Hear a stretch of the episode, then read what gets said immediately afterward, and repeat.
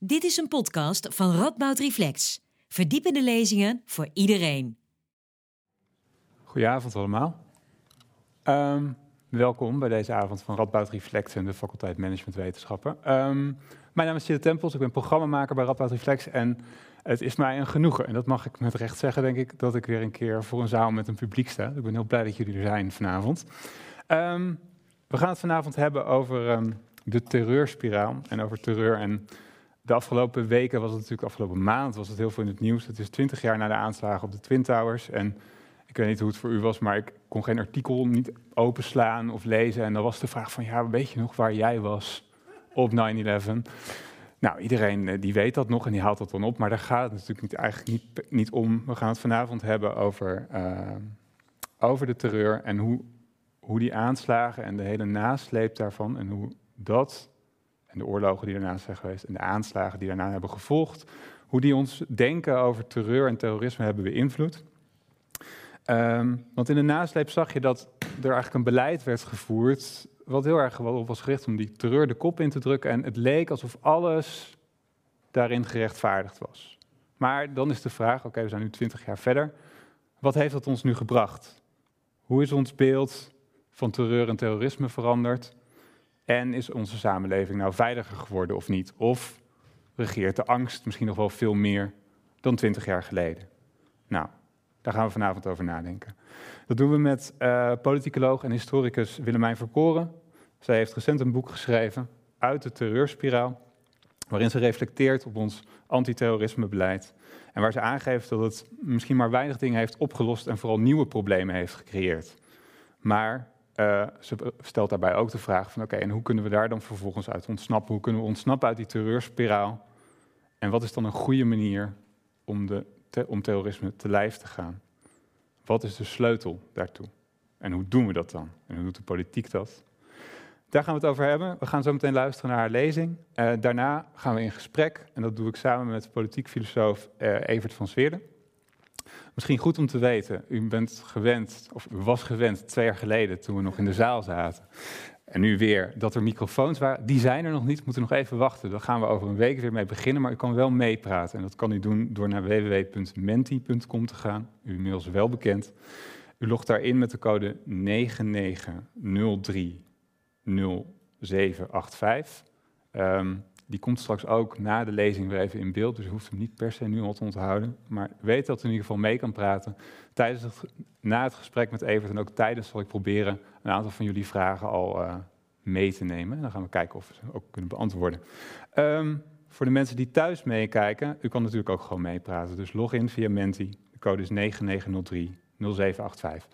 Dat gezegd hebbende, um, wens ik u alvast een hele fijne avond. En uh, geef ik heel graag het woord aan Willemijn Verkoren.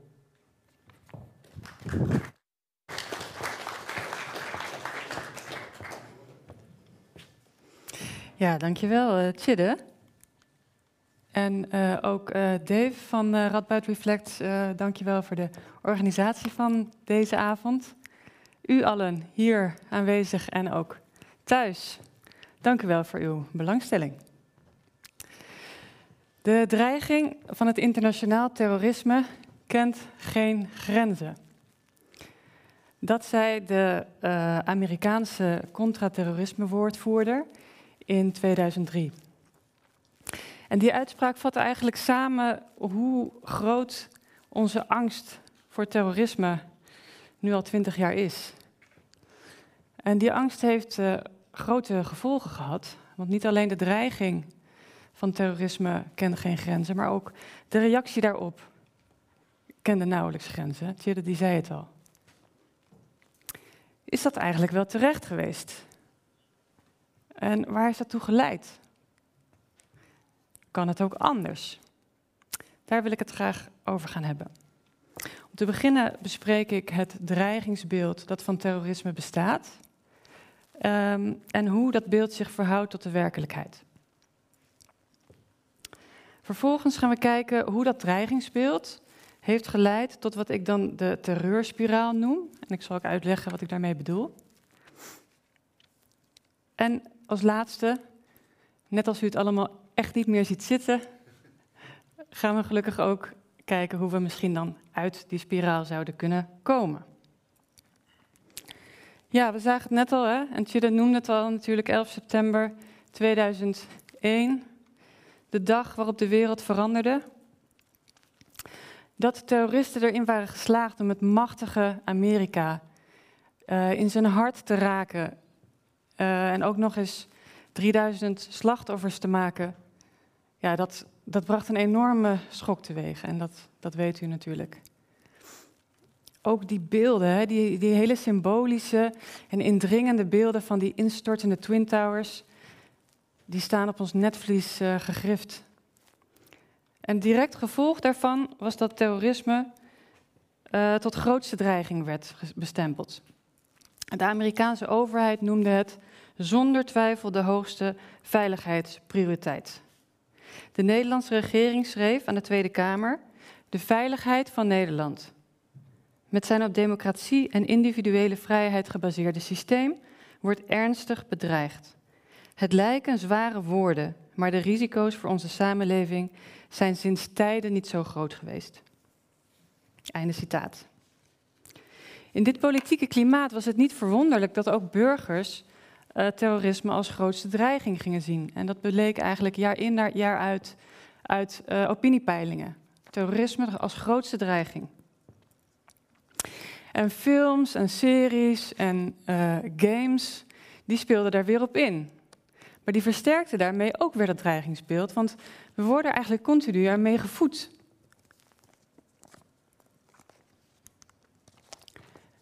Het terrorismebeeld dat dominant is, ik denk nog steeds, uh, twintig jaar later, uh, maar zeker ook toen in die eerste jaren na 9-11, kenmerkt zich door het beeld dus van een enorme dreiging. Maar het heeft ook uh, inhoudelijke kenmerken. En één daarvan is dat de dreiging van buitenaf zou komen. En wel uit de islamitische wereld. De afkondiging door president Trump van een inreisverbod voor uh, burgers uit bepaalde islamitische landen was daarvan al duidelijkste uiting. Hè, maar ook uh, de opkomst van populistisch rechts, de verharding van migratiebeleid en van het islamdebat, ook bij ons, ja, kunnen toch niet los gezien worden van, van dat beeld. En de toenemende invloed van uiterst rechtse partijen uh, maakte dan ook weer dat dat beeld van de islam als dreiging vervolgens nog weer verder werd versterkt. Voor Europese en Amerikaanse moslims betekende dat dat ze steeds meer het idee kregen met wantrouwen te worden bekeken en zich steeds maar te moeten distancieren van terrorisme. In de wereld van 9-11 was er weinig ruimte voor grijstinten, zoals de uitspraak van president Bush: You're either with us or you're with the terrorists, duidelijk liet zien. Er is nog een ander kenmerk van het heersende terrorismebeeld.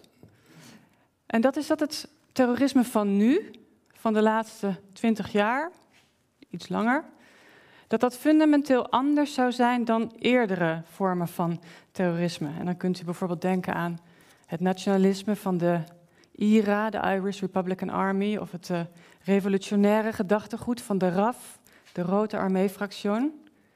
Er werd gezegd dat waren andere vormen van terrorisme. Terrorisme van nu is anders.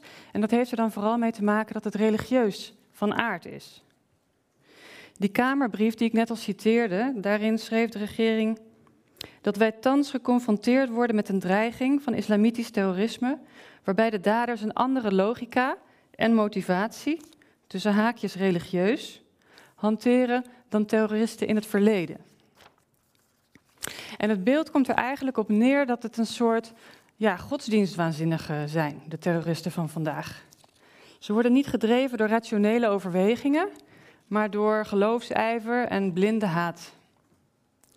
En in tegenstelling tot eerdere terroristen hebben uh, volgens dit beeld de terroristen van vandaag ook geen politieke agenda.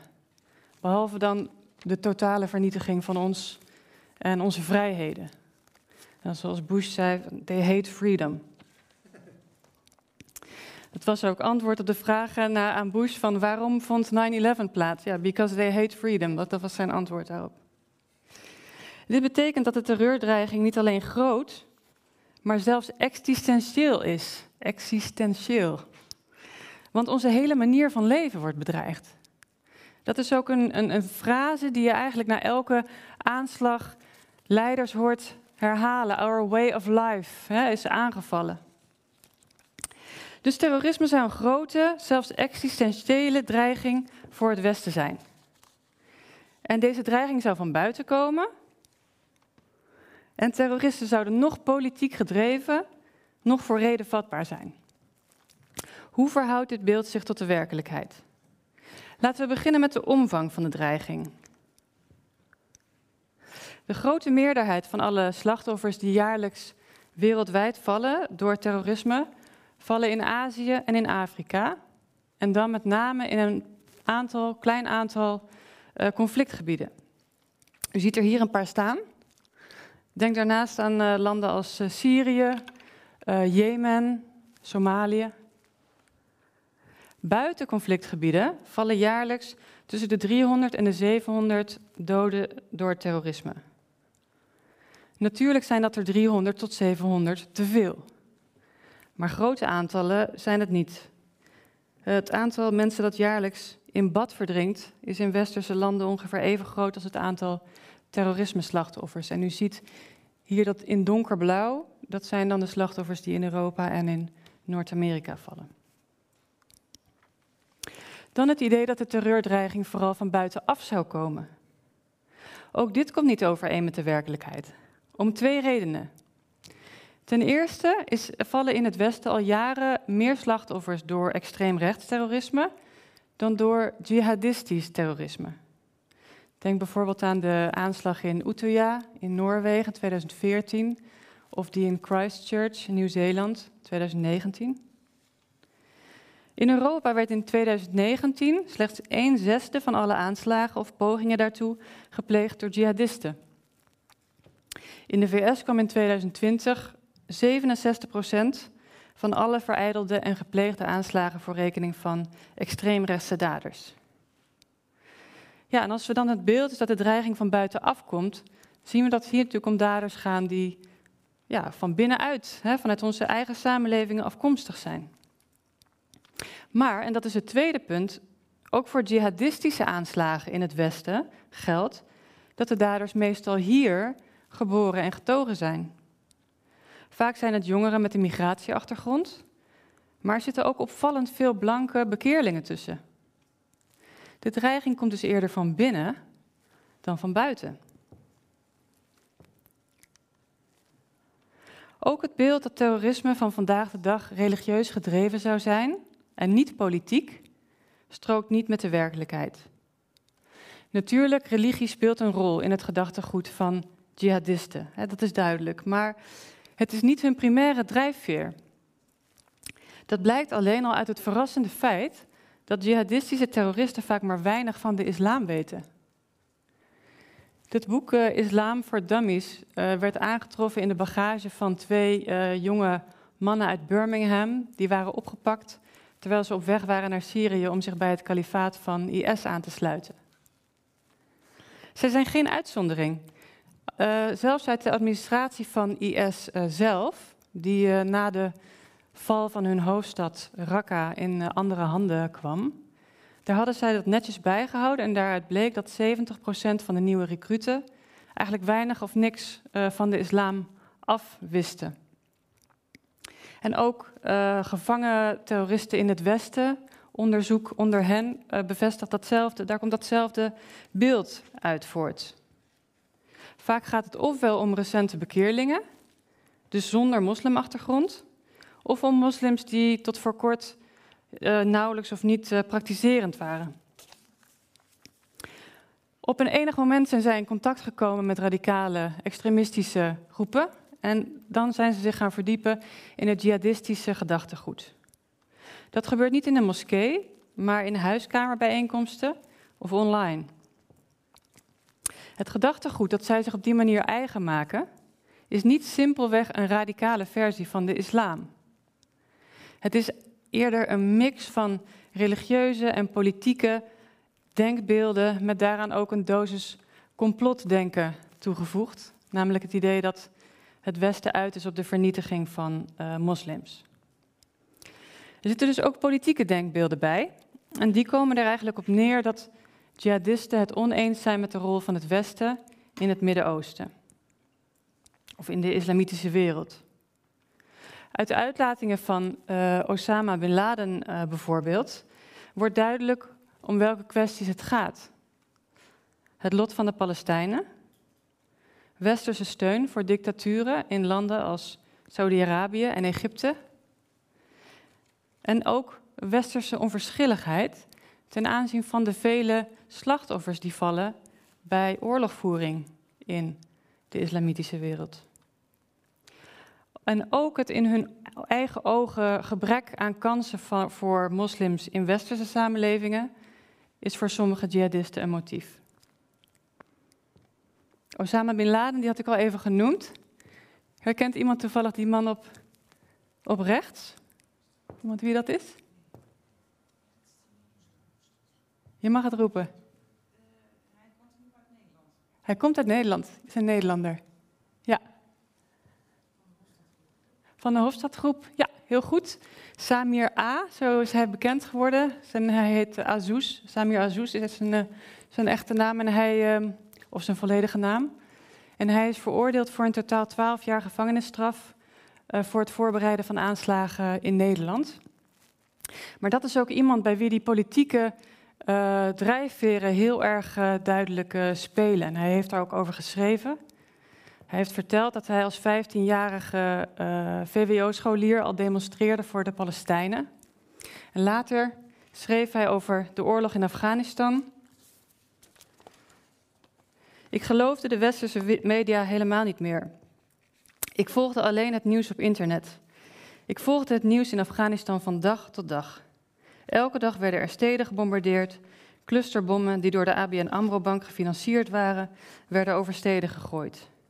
Het was voor mij duidelijk dat het een onrechtvaardige oorlog was. Een oorlog tegen de islam. Ik kreeg haatgevoelens jegens iedereen die achter Bush stond in zijn kruistocht. Dus wat we zien is dat de terroristen van vandaag wel degelijk ook politiek gemotiveerd zijn. En daarmee verschillen zij dus ook minder van eerdere terroristen dan wel wordt gezegd. Het is trouwens niet zo, ook weer niet, dat de beweegredenen van terroristen alleen maar politiek zijn. Maar dat was vroeger ook niet zo. Er is altijd eigenlijk sprake van een hele mix uh, van drijfveren die samenkomen op persoonlijk niveau, op maatschappelijk niveau. Heel in het kort gaat het vaak om instabiele jongeren met veel persoonlijke problemen die graag ergens bij willen horen en die dan in zo'n extremistische groep um, ja, erkenning vinden en een doel in het leven vinden.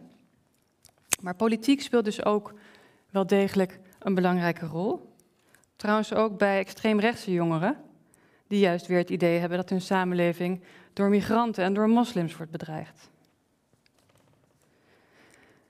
Onze grote angst voor terrorisme staat dus niet in verhouding tot de werkelijkheid. En ook voor de inhoud van ons terrorismebeeld geldt dat. Maar de angst en het beeld hebben wel een hele grote invloed gehad op die werkelijkheid. Zo heeft bijvoorbeeld dat idee van een nieuw terrorisme, hè, dat zo anders is dan vroeger, geleid tot de overtuiging dat er weinig te leren viel van eerdere uh, vormen van terrorisme en hoe daarmee is omgegaan. Men heeft ook geconcludeerd dat het weinig zin heeft om ons te verdiepen in de drijfveren van terroristen, want ze zouden niet rationeel zijn. Er viel niks te begrijpen. Zoals Bush het zei, een andere keer toen hij ook werd gevraagd naar waarom 9-11 had plaatsgevonden, omdat het kwaad bestaat. Dit betekende ook dat het geen zin had om met terroristen in gesprek te treden. Wat viel er te bespreken met mensen die uit waren op onze totale vernietiging? De enige mogelijke reactie was dan ook een keiharde. Geweld. En gezien de enorme omvang van de dreiging vond men alles of veel geoorloofd, en Chidde zei het ook al, bij het bestrijden ervan. Dus het is tegen deze achtergrond dat de regering Bush na 9-11 die oorlog tegen terreur afkondigde. Een wereldwijde oorlog, want men eigende zich het recht toe om overal ter wereld op te treden tegen vermoedelijke terroristen. En er zijn ook nu nog steeds in tientallen landen speciale eenheden actief die jagen op terroristen. Maar er waren ook de grote invasies. U weet het, de inval in Afghanistan 2001, direct na 9-11, waar de leiders van Al-Qaeda zich zouden schuilhouden. Twee jaar later de invasie in Irak, die eigenlijk andere doelen diende, maar in het kader van de oorlog tegen terreur werd verkocht. En u weet ook, denk ik, de beide invasies leiden tot langdurige burgeroorlogen. In Irak mondde dit uit in de opkomst van IS, dat een kalifaat uitriep, dat een deel van Irak en ook Syrië besloeg.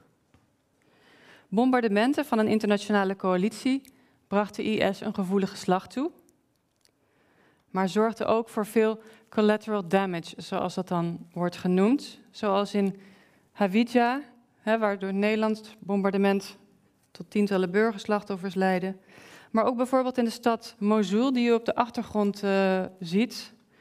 En die eigenlijk bijna helemaal werd verwoest. Ook zijn de VS in de loop van die oorlog tegen terreur steeds meer gebruik gaan maken van drones. Die bombardementen uitvoeren op vermoedelijke terroristen in landen als Jemen, Pakistan, Afghanistan en Syrië. Ook hierbij komen met regelmaat onschuldige burgers om, zoals dat gezin met zeven kinderen dat een paar weken terug in Afghanistan werd geraakt. En die droneoorlog is ook om allerlei redenen in strijd met het internationale oorlogsrecht.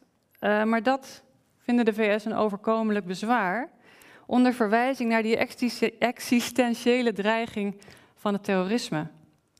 En dat is ook dezelfde redenering die gold voor de martelpraktijken in geheime gevangenissen en op Guantanamo Bay ook allemaal onderdeel van de oorlog tegen terreur. Die oorlog heeft tot nu toe honderdduizenden burgerslachtoffers gevergd, waarbij het aantal dat u daar ziet staan nog een conservatieve schatting is. En maar liefst 37 miljoen mensen sloegen op de vlucht.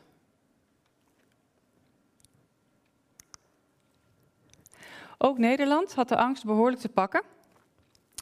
Na de moord op Theo van Gogh in 2004 zei vicepremier Zalm dat de oorlog nu ook ons land had bereikt. Dat ziet u daar boven. Maar wat u ook ziet is dat er ook meteen kritiek was uh, op die uitspraak. En dat was in het dagblad Trouw, dat schreef dat zo'n houding precies was wat terroristen wensten. Dat gaan we straks nog zien of dat inderdaad ook zo is. Ook waarschuwde de krant dat het afkondigen van een oorlog zou leiden tot de inperking van de rechtsstaat. En dat was een proces wat op dat moment al bezig was. Want de oorlog tegen terreur is ook op binnenlands terrein gevoerd. Wereldwijd werden vele nieuwe wetten en maatregelen ingevoerd, ook bij ons.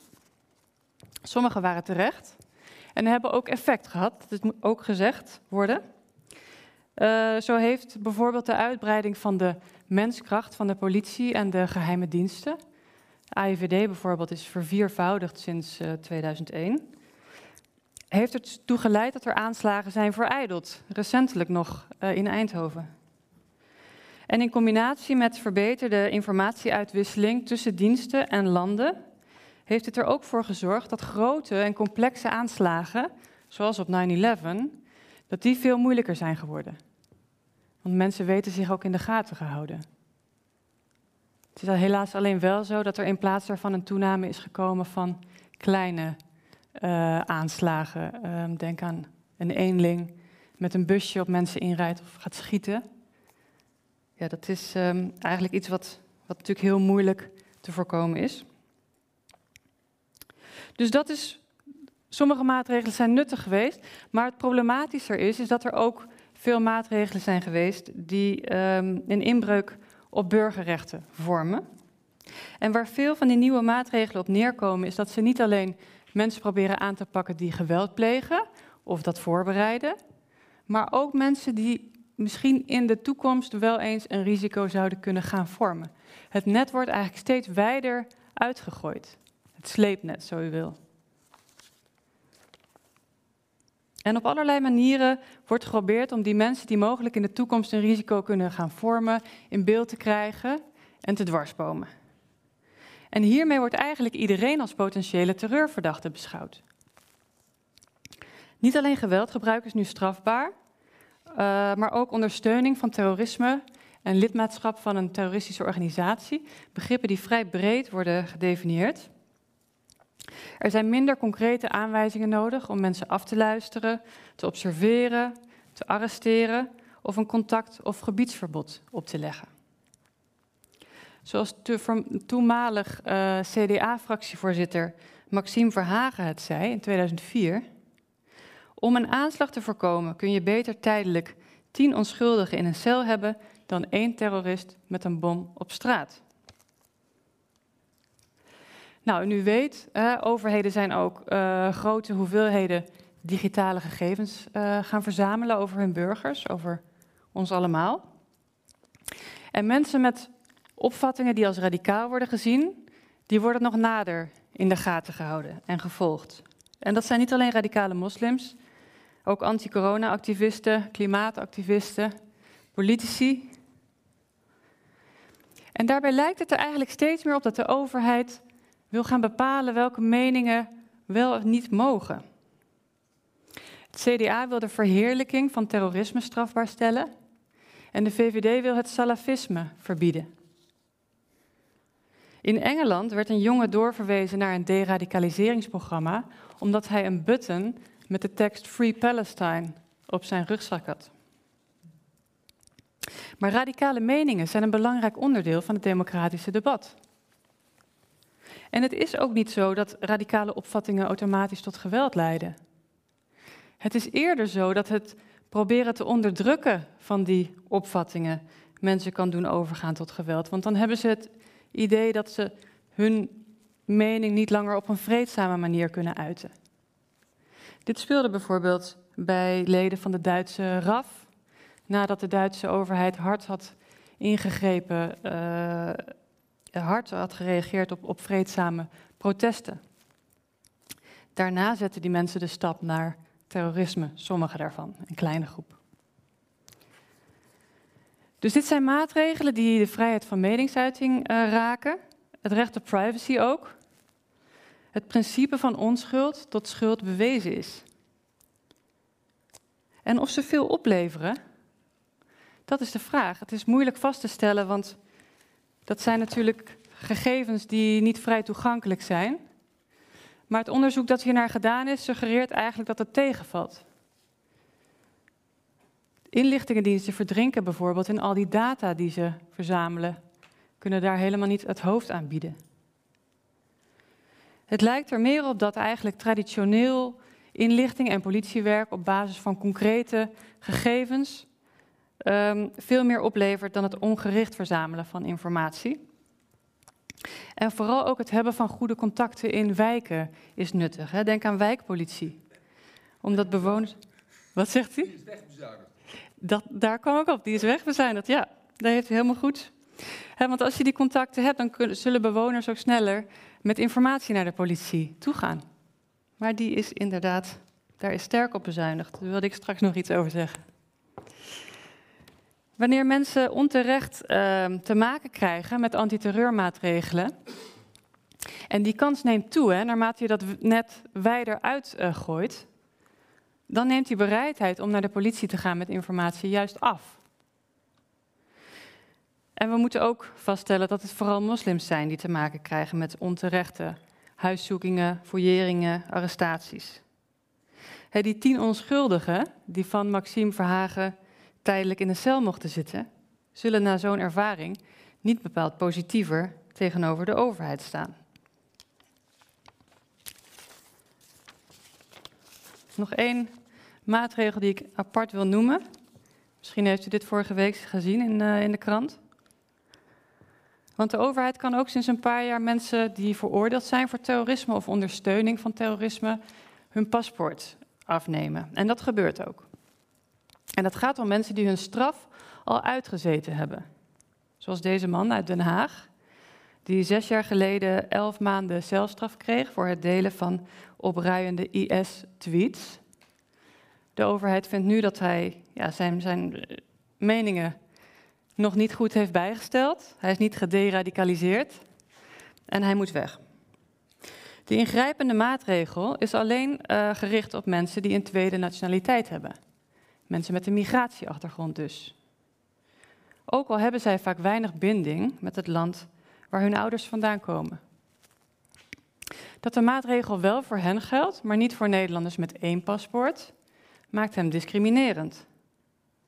En hij is ook niet effectief, daar zijn eigenlijk alle deskundigen het wel over eens. Al is het maar omdat terrorisme zich weinig aantrekt van landsgrenzen. Komt nog bij, en dat geldt ook hier, uh, dat het land waar iemand naartoe uitgezet moet worden, diegene vaak helemaal niet wil, waarna zo iemand in de illegaliteit verdwijnt. En dan is de over, overheid het zicht op hem helemaal kwijt. Hij is ook nog eens boos. Vaak niet, misschien niet een goede combinatie. Goed, dus sinds 9-11 zijn er enorm veel harde en ingrijpende maatregelen genomen tegen terrorisme. Van oorlogvoering tot nieuwe wetten. Het belangrijkste gevolg hiervan is escalatie geweest. Die slachtoffers van de oorlog tegen terreur, die vele slachtoffers, die hebben veel kwaad bloed gezet in de moslimwereld. Dat complotdenken van jihadisten, dat het Westen uit is op de vernietiging van moslims, leek er eigenlijk door te worden bevestigd. En het gevolg is dat jihadisten niet te klagen hebben gehad over een gebrek aan nieuwe recruten. Voor elke leider die met een drone werd uitgeschakeld, stonden er nieuwe op. In Afghanistan en Irak leidden de invasies ertoe dat terrorisme sterk toenam. Nogal paradoxaal als je bedenkt dat die invasies juist in het kader van de strijd tegen terreur werden ondernomen. Maar u ziet daar dat ze, en dat is al een paar jaar zo, dat ze de lijst met uh, landen die het meest te lijden hebben onder terrorisme uh, aanvoeren. De anti-IS-bombardementen maakten wel een einde aan het kalifaat, maar IS ging ondergronds. Zoals eerder de Taliban dat in, Af in Afghanistan gedaan hadden. Ook breidde IS zijn werkgebied uit. In tientallen landen tot in zuidelijk Afrika aan toe zijn nu strijdgroepen actief die aan IS zijn gelieerd of zich daarmee identificeren.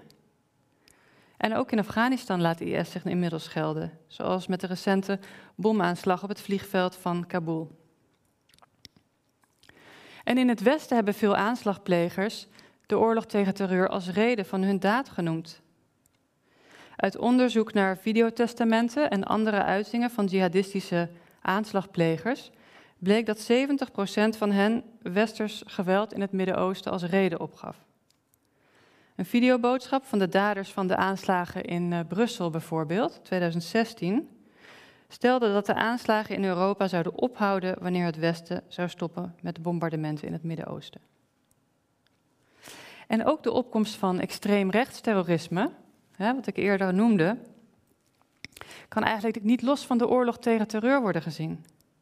Want voor deze geweldplegers vormt dat heersende beeld van dat gevaar, terrorisme als existentiële dreiging die voortkomt uit de islam, nou juist een drijfveer. Het is niet voor niets dat Brenton Tarrant, die u hier ziet, in Christchurch uitgerekend op moskeebezoekers het vuur opende. Zo zien we dat een geweldsspiraal is ontstaan. Dat is dan die spiraal, waarbij het geweld van terroristen overheidsgeweld uitlokt, wat weer tot nieuw terroristisch geweld leidt. En zo gaat het maar door. Dus de terreurspiraal is een geweldspiraal, maar het is ook een angstspiraal. Stel, u loopt op, uh, op Schiphol en u ziet dit. Wat voor gevoel geeft het u? Veilig of juist niet? Onveilig. Want je denkt, jeetje, wat een zware wapens, wat zou er aan de hand zijn? Ja, waar is dat voor nodig? Er zal wel iets heel ergs aan de hand zijn. Ja.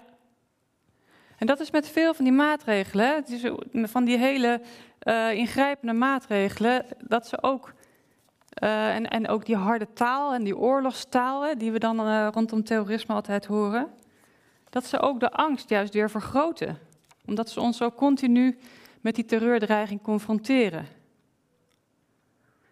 En als die angst dan weer leidt tot een roep om harde maatregelen, dan is de spiraal compleet. En zoals Trouw in 2004 al schreef, dat zagen we eerder, is dat precies wat terroristen willen. Want wat is terrorisme eigenlijk? Terrorisme is een strategie van de militair zwakkere partij om zichzelf door angst te zaaien in de kijker te spelen. Door aanslagen te plegen hopen terroristen aandacht te krijgen voor hun politieke programma. Ook hopen ze de tegenstander een harde reactie te ontlokken. Dat helpt hen om die tegenstander als onderdrukker af te schilderen en de gematigde in het eigen kamp te trekken.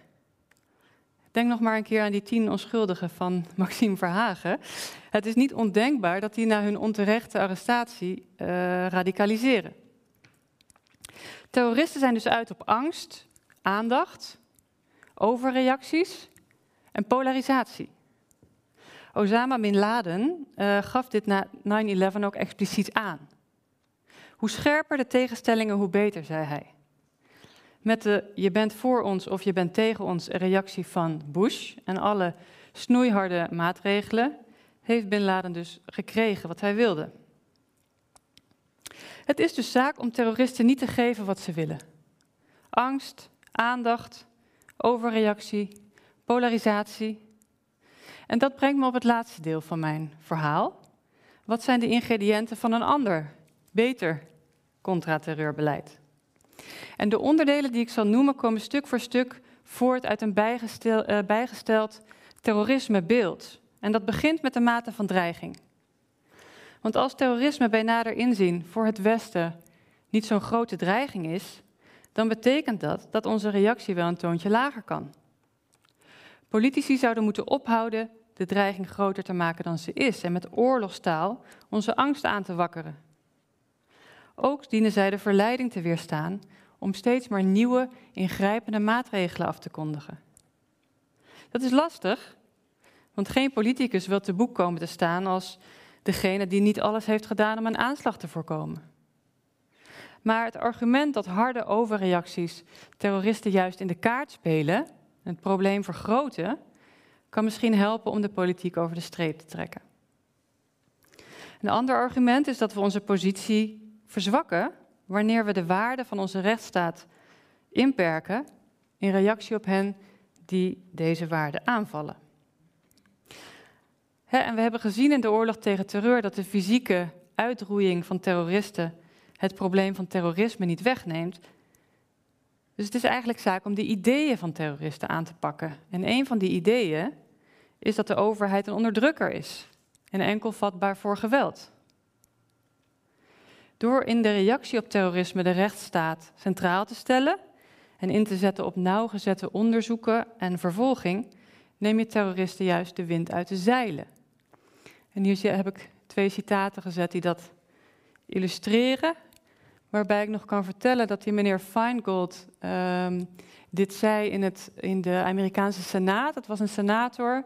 En dat was tijdens het debat over de Patriot Act, die al die ingrijpende, waarmee al die ingrijpende maatregelen toen werden ingevoerd.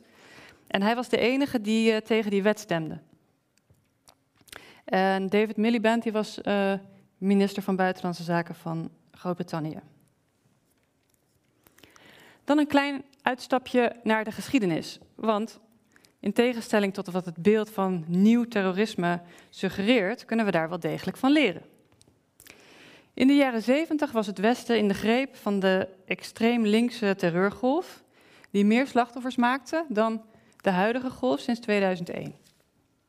Ook in Nederland, waar onder meer de rode jeugd aanslagen pleegde. Maar waar andere landen, zoals Duitsland en de VS, hard reageerden, wilde Nederland wat men Duitse toestanden noemde voorkomen. Bij de Oosterburen was terrorisme tot nationale veiligheidsprioriteit bestempeld en werden allerlei wetten aangenomen om niet alleen geweldplegers, maar ook de sympathisanten en activisten daaromheen aan te pakken. Het leidde tot maatschappelijke verdeeldheid en de verdere radicalisering van groepen als de RAF. Nederland koos er juist voor om terughoudend te reageren en geen nieuwe wetten aan te nemen. Men was ervan overtuigd dat het bestaande wettelijke instrumentarium volstond In de woorden van de columnist Henk Hofland wilde Nederland geen loerdersstaat worden. Ook wilde de regering de sfeer van vrijheid en kwetsbaarheid, in de woorden van premier Den Uyl, niet opofferen. Let vooral ook op dat woord kwetsbaarheid. Het suggereert namelijk dat de neiging om alle risico's te willen uitbannen, dat die eigenlijk in tegenspraak is met een open samenleving. Zoiets kan eigenlijk alleen in een loerdersstaat. En die prijs is wel heel erg hoog. Zoals een uh, terrorismeonderzoeker Teun van Dongen het zegt: wie nul risico op terrorisme wil lopen, kan het beste in Noord-Korea gaan wonen. Het is beter om te accepteren dat er een risico bestaat. Zeker omdat we ook weten dat dat risico beperkt is. Het Nederlandse beleid in de 70s was trouwens ook door pragmatische overwegingen ingegeven. Want men was ervan overtuigd dat harde taal en maatregelen terrorisme alleen maar zouden versterken. Onderzoek naar die periode heeft geconcludeerd dat de overheid daarin ook gelijk had. Waar harde maatregelen in andere landen tot escalatie leidden, nam het geweld in Nederland juist af. Achteraf zei een lid van de Rode Jeugd hierover. Terugredenerend heeft het liberale van die samenleving de doorslag gegeven om te zeggen: Ik kap ermee. Je was al maar bezig die maatschappij te bestrijden. Als die dan zo liberaal reageert, dan houdt het op. Einde citaat. In de jaren 70 deed de overheid trouwens ook een oproep aan media om uh, terughoudend te zijn in de berichtgeving over terrorisme. En daar we media ook gehoor aan in die tijd. Zij waren zich ervan bewust dat media, zoals uh, Margaret Thatcher dat noemde, uh, terroristen van de zuurstof van publiciteit voor, voorzagen. Zonder media-aandacht kunnen terroristen wel inpakken. Want het gaat hun niet om de daad zelf, maar om het overbrengen van een boodschap aan een publiek. Natuurlijk kan van de media niet verwacht worden dat ze helemaal geen aandacht aan terrorisme besteden. Maar hoe het nu na een aanslag gaat, urenlange, dagenlange uh, doorlopende uitzendingen met telkens weer dezelfde indringende beelden, is misschien wel het andere uiterste. Vandaar dat deze oproep in de correspondent verscheen een paar jaar terug van uh, David van Rijbroek. En hij maakte een vergelijking met de gedragscode die media uh, zijn overeengekomen ten aanzien van zelfdoding. Toen bleek dat het rapporteren van details over zelfmoorden uh, tot kopieergedrag leidde, um, sprak men af om hier terughoudender in te zijn. En het had inderdaad tot gevolg dat het aantal zelfmoorden afnam. Nu is terrorisme natuurlijk heel iets anders. Hè, al was het maar vanwege de grote aantrekkingskracht die het op de een of andere manier op het publiek uitoefent. En de daarmee gepaardgaande hoge kijk- en leescijfers. Toch is de oproep van Van Rijbroek het overwegen waard. Wat kunnen we verder doen tegen terrorisme? Soms is het nodig om met terroristen aan tafel te gaan zitten. En we zagen eerder dat ze wel degelijk hè, een politieke agenda hebben, dus er valt ook wel iets te bespreken. En ook op dit punt kunnen we leren van het verleden. Bijna de helft van de terroristische campagnes in de geschiedenis kwam ten einde door politieke onderhandeling, tegen slechts 7% door militair geweld. Op de foto links ziet u uh, de Britse premier Tony Blair met twee IRA-leiders tijdens de afsluiting van het Goede Vrijdagakkoord in 1998, dat een eind maakte aan decennia van aanslagen. Na eerst lang te hebben geweigerd om met terroristen te praten, waren de Britten na jaren van bloedvergieten tot het inzicht gekomen dat het de enige manier was om een oplossing te bereiken. Dit is een bekend patroon, wat we overal ter wereld telkens weer zien. Nu zijn Al-Qaeda en IS natuurlijk geen IRA, het zijn mondiale netwerken van los verbonden lokale groepen, die vaak alleen in naam aan de organisatie verbonden zijn. Maar dit biedt ook een mogelijke uitweg. Want jihadisme is vooral ook een uiting van lokale conflicten. Strijdgroepen komen op voor een achtergestelde bevolkingsgroep of verzetten zich tegen een corrupte overheid. En dat de drijfveren vooral lokaal zijn, betekent dat de oplossing ook lokaal gezocht kan worden. Gesprekken tussen de overheid ter plaatse en jihadistische groepen kunnen hier onderdeel van zijn. En als voorwaarde kan gesteld worden dat deze groepen hun banden met internationale terreurnetwerken verbreken. Dat is een strategie die in de Filipijnen met succes is beproefd. In Afghanistan bereikte de regering het inzicht dat onderhandeld moest worden met de Taliban, helaas pas na vele jaren van strijd, waarin de Taliban zich steeds verder versterkt hadden. Toen de VS en bondgenoten vervolgens ook nog eens hun terugtrekking aankondigden, was de door die internationale troepen gestutte regering in één klap zijn onderhandelingspositie kwijt. Dat het vaak zo lang duurt voordat men tot gesprekken overgaat, heeft te maken met het taboe op praten met terroristen. Dat kan niet, hè? dat verwijst daarnaar. In veel landen is het zelfs verboden. Maar de geschiedenis laat zien dat als er een wil is, dat er vaak ook wel een weg wordt gevonden. Zo werd bijvoorbeeld de Palestijnse PLO van de Israëlische terreurlijst gehaald om ermee te kunnen onderhandelen, wat in 1992 tot de Oslo-akkoorden leidde. Nou, dan hoe kunnen we terrorisme in de toekomst voorkomen? Hiervoor is het ook nodig ons te verdiepen in de drijfveren van terroristen en die te proberen weg te nemen.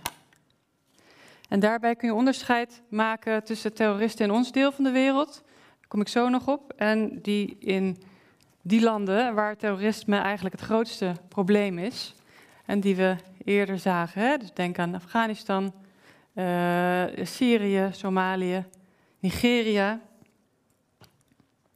Voor die laatste groep geldt dat, zij, dat ja, de gewone uh, uh, voedsoldaten van die jihadistische groepen, dat die zich eigenlijk vaak ooit uit bittere noodzaak aansluiten bij zo'n uh, groepering. Hun leiders maken zich wel druk om allerlei politieke kwesties, westerse inmenging of corrupte regering. Maar de gewone uh, soldaat, uh, ja, die wordt eigenlijk vooral gedreven door een gebrek aan perspectief. Op werk, onderwijs.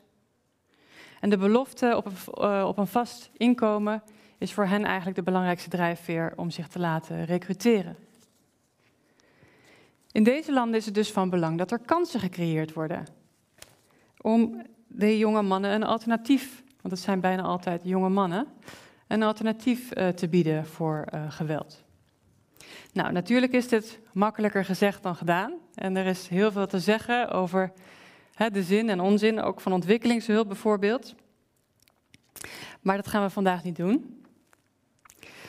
Het enige wat ik daarover zou willen zeggen is, als ook maar een fractie van die biljoenen, dat zijn duizenden miljarden euro's, die aan de oorlog tegen terreur zijn besteed.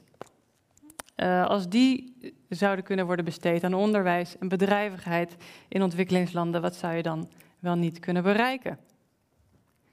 Want één uur oorlog in Irak kost evenveel als de restauratie van 20 scholen. En een stealth-bommenwerper is net zo duur als het jaarsalaris van 38.000 basisschoolleraren. In de woorden van de Afghaanse Nobelprijswinnares Malala Yousafzai en die zien we op de foto. Met geweren kun je terroristen doden, met onderwijs kun je terrorisme doden. In ons deel van de wereld, en dan moet ik even naar de klikker. In ons deel van de wereld worden terroristen niet door armoede gedreven, hoewel zij zich soms wel opwinden over de armoede van hun geloofsgenoten elders in de wereld. En ook maken zij zich, zoals we eerder al zagen, uh, boos over ons buitenlands beleid, waar zij zich niet in herkennen. Westerse landen zouden er goed aan doen zich te realiseren dat hun acties in met name het Midden-Oosten veel mensen als onrechtvaardig voorkomen en dat dit kan bijdragen tot geweld.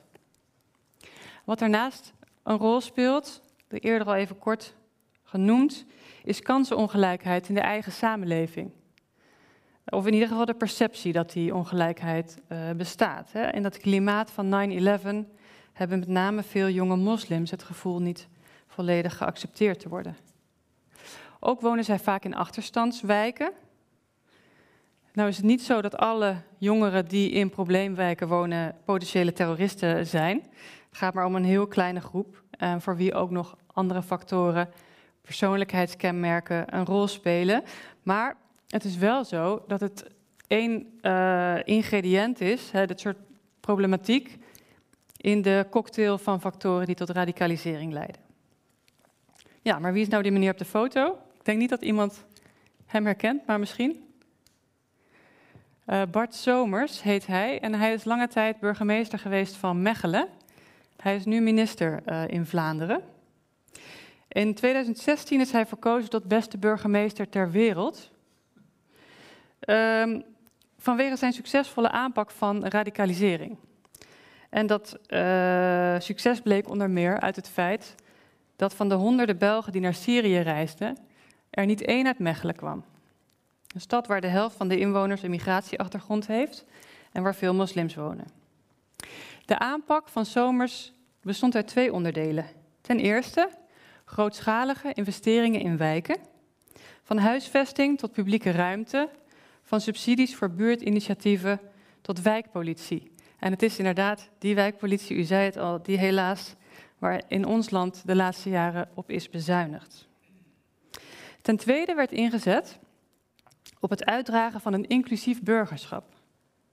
Zo ging Somers na de aanslag in Brussel van 2016 naar de moskee in Mechelen om daar gelovigen toe te spreken. En hij zei hen dat ze dubbel geraakt waren door de aanslag. Als Belgen en omdat de daders uit naam van hun religie hadden gehandeld. En over de daders zei hij: Het zijn terroristen, ja, maar het zijn wel onze terroristen. Ze komen uit onze maatschappij, ze zijn naar onze scholen gegaan, ze zijn ons probleem. Dus we gaan ze niet het land uitzetten, maar we moeten zelf hier een oplossing ervoor vinden. En daarmee neemt hij dus ook afstand van dat beeld dat terroristen van buiten komt, een gevaar is wat van buiten komt. Goed. Een ander contraterreurbeleid kenmerkt, kenmerkt zich dus door terughoudendheid, rechtsstatelijkheid, dialoog en het wegnemen van drijfveren van terroristen. Hiervoor is nodig dat we het dreigingsbeeld bijstellen en ons minder door angst laten leiden. Dat vergt moed, politieke moed en moed van ons allemaal om beter om te leren gaan met kwetsbaarheid. Na twintig jaar van angst is het tijd om uit de spiraal te komen.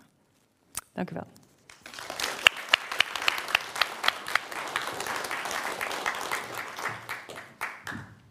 Wil jij die? Ja, geef maar. Laten we gaan zitten.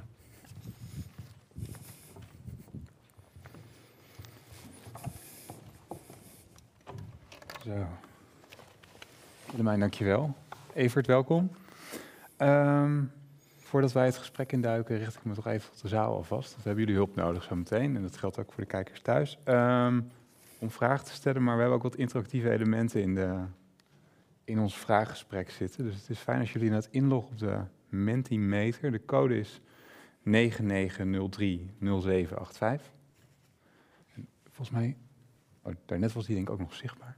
Maar goed, 9903 0785 en je kan naar menti.com gaan. Ah, ik zie allemaal verlichte gezichten, dat is een goed, uh, goed teken. Dubbel verlicht. Um, want um, er zijn volgens mij een heel reeks aan thema's die we kunnen bediscussiëren, maar ik dacht het is misschien goed om eerst even te kijken um, hoe men in de zaal en hoe men de, kijkers thuis nou naar terreur kijken. Ik weet niet of de wordcloud al zichtbaar kan worden. Ja, en de vraag is inderdaad, wat, wat betekent terrorisme nu voor jou? En als het goed is, kunnen jullie uh, dat invullen. Dan gaan wij zo kijken en dan hebben allemaal mooie aanknopingspunten om zo meteen uh, verder de diepte in te gaan. Identiteit, ja. Zo. Angst. Ideologie, geweld. Constructie, kijk.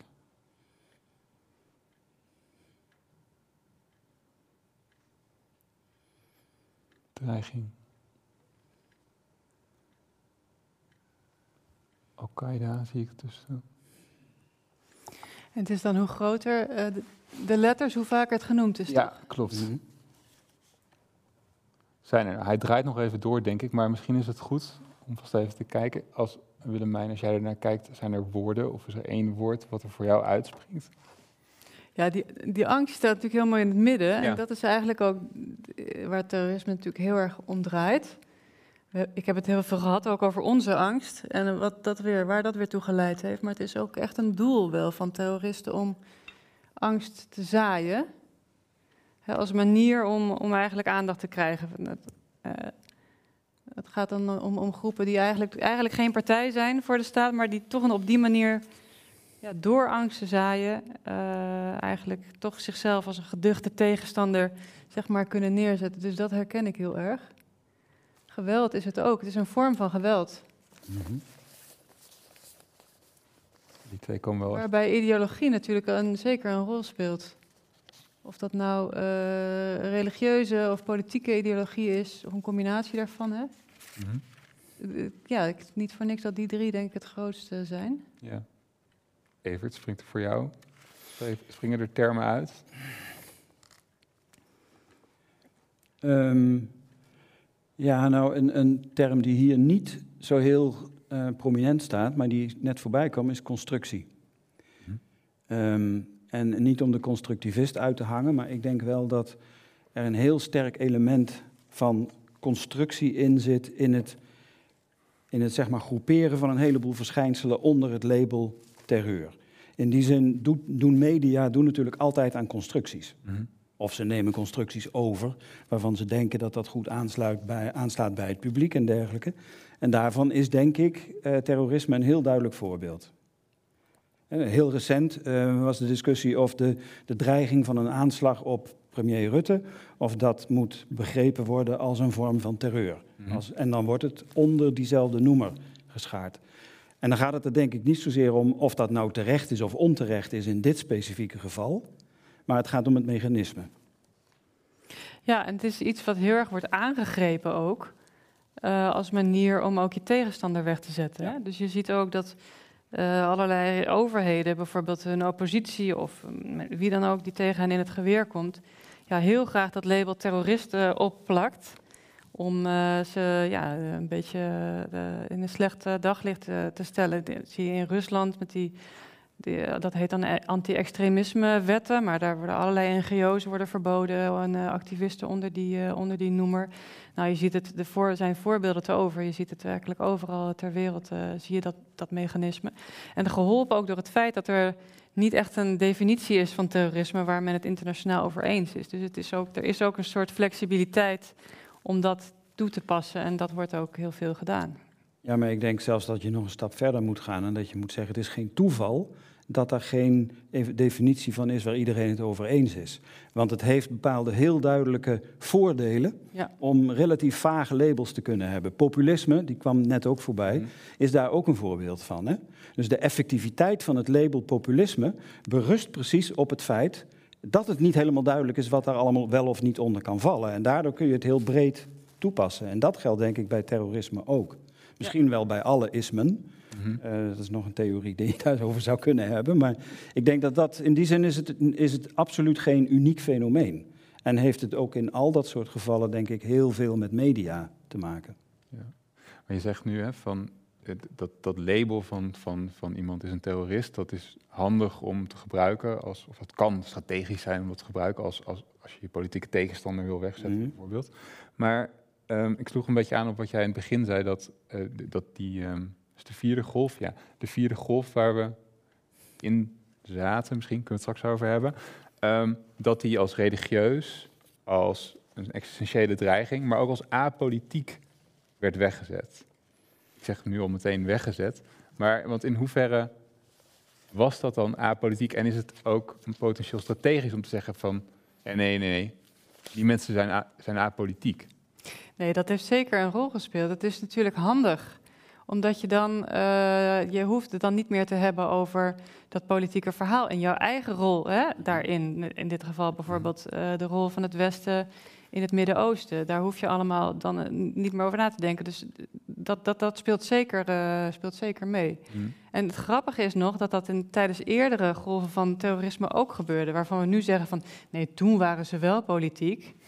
Werd toen ook geroepen van nee, dat, dit zijn waanzinnige en die zijn bloeddorstig en uh, die zijn ook anders dan, dan vroegere terroristen, werd ook toen gezegd. Ook omdat het dan in het, bijvoorbeeld in het geval van de IRA uh, was dat vanuit de Britse overheid was in hun belang om ja, zeg maar dat frame te promoten en dat deden ze ook. Mm -hmm. uh, omdat zij ook weer zelf een rol hadden in die problematiek waar de IRA tegen, tegen in, in, in opstand kwam. Ja. Dus, dus het kan inderdaad gewoon. Dus het is op het moment dat je zegt dat je erkent dat er een politiek statement wordt gemaakt. En ja, goed, de politiek zal misschien mm. zelf zal misschien al snel zeggen dat het per definitie al de politiek is. Maar dat zodra het politiek wordt, zeg maar, dan moet je er iets mee. Ja. Ja. ja. Nou, de, de politiek filosoof zou meteen zeggen: iets apolitiek noemen ja. is politiek. Per ja. Dat is per definitie politiek. En dat is een wegzetten van iets als, nou, dan hoeft het precies wat jij zegt, dan hoeven we het over bepaalde dingen niet meer te hebben. Dus ik denk dat het benadrukken van de.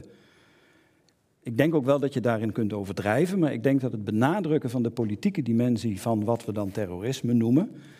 Um, dat dat veel belangrijker is dan we denken. En dat, we dat, en dat sluit voor een groot deel ook aan bij de lezing van Willemijn, dat we dat veel serieuzer moeten nemen. En dat je, dat je ook moet realiseren, en daar denk ik, dat is een van de uh, punten waar ik wat moeite had met jouw boek, dat je politiek op een gegeven moment je gebruikt een aantal keren de term dat dat te maken heeft met subjectieve voorkeuren en dergelijke. Dat ik geneigd ben om te denken, als iets politiek is, dan heeft dat te maken met objectieve tegenstellingen. En de subjectieve kant is eventueel hoe mensen zich daartoe verhouden of wat ze daarbij ervaren of, of, of beleven of wat dan ook. Uh, misschien ook wat hen dan drijft tot het ondernemen van bepaalde acties. Maar ik denk dat het heel belangrijk is om politiek altijd te zien in de vorm van een tegenstelling. Dus, en voor een deel zit dat ook heel sterk in jouw verhaal. En dus ik ben geneigd om te zeggen bijvoorbeeld dat wat we dan zouden kunnen noemen het klassieke terrorisme, hè, dus de, de, het Eerste Republikeinse leger of uh, de PLO, Al-Fatah of um, ook IS, zou ik zeggen, en zeker ook de Taliban. Ik denk dat je dat primair moet zien als strijdende groeperingen in een asymmetrische strijd waardoor ze middelen gaan gebruiken die door de andere partij heel gemakkelijk gedisqualificeerd kan worden. Maar terecht wijst Willemijn in haar boek ook op zoiets als staatsterrorisme.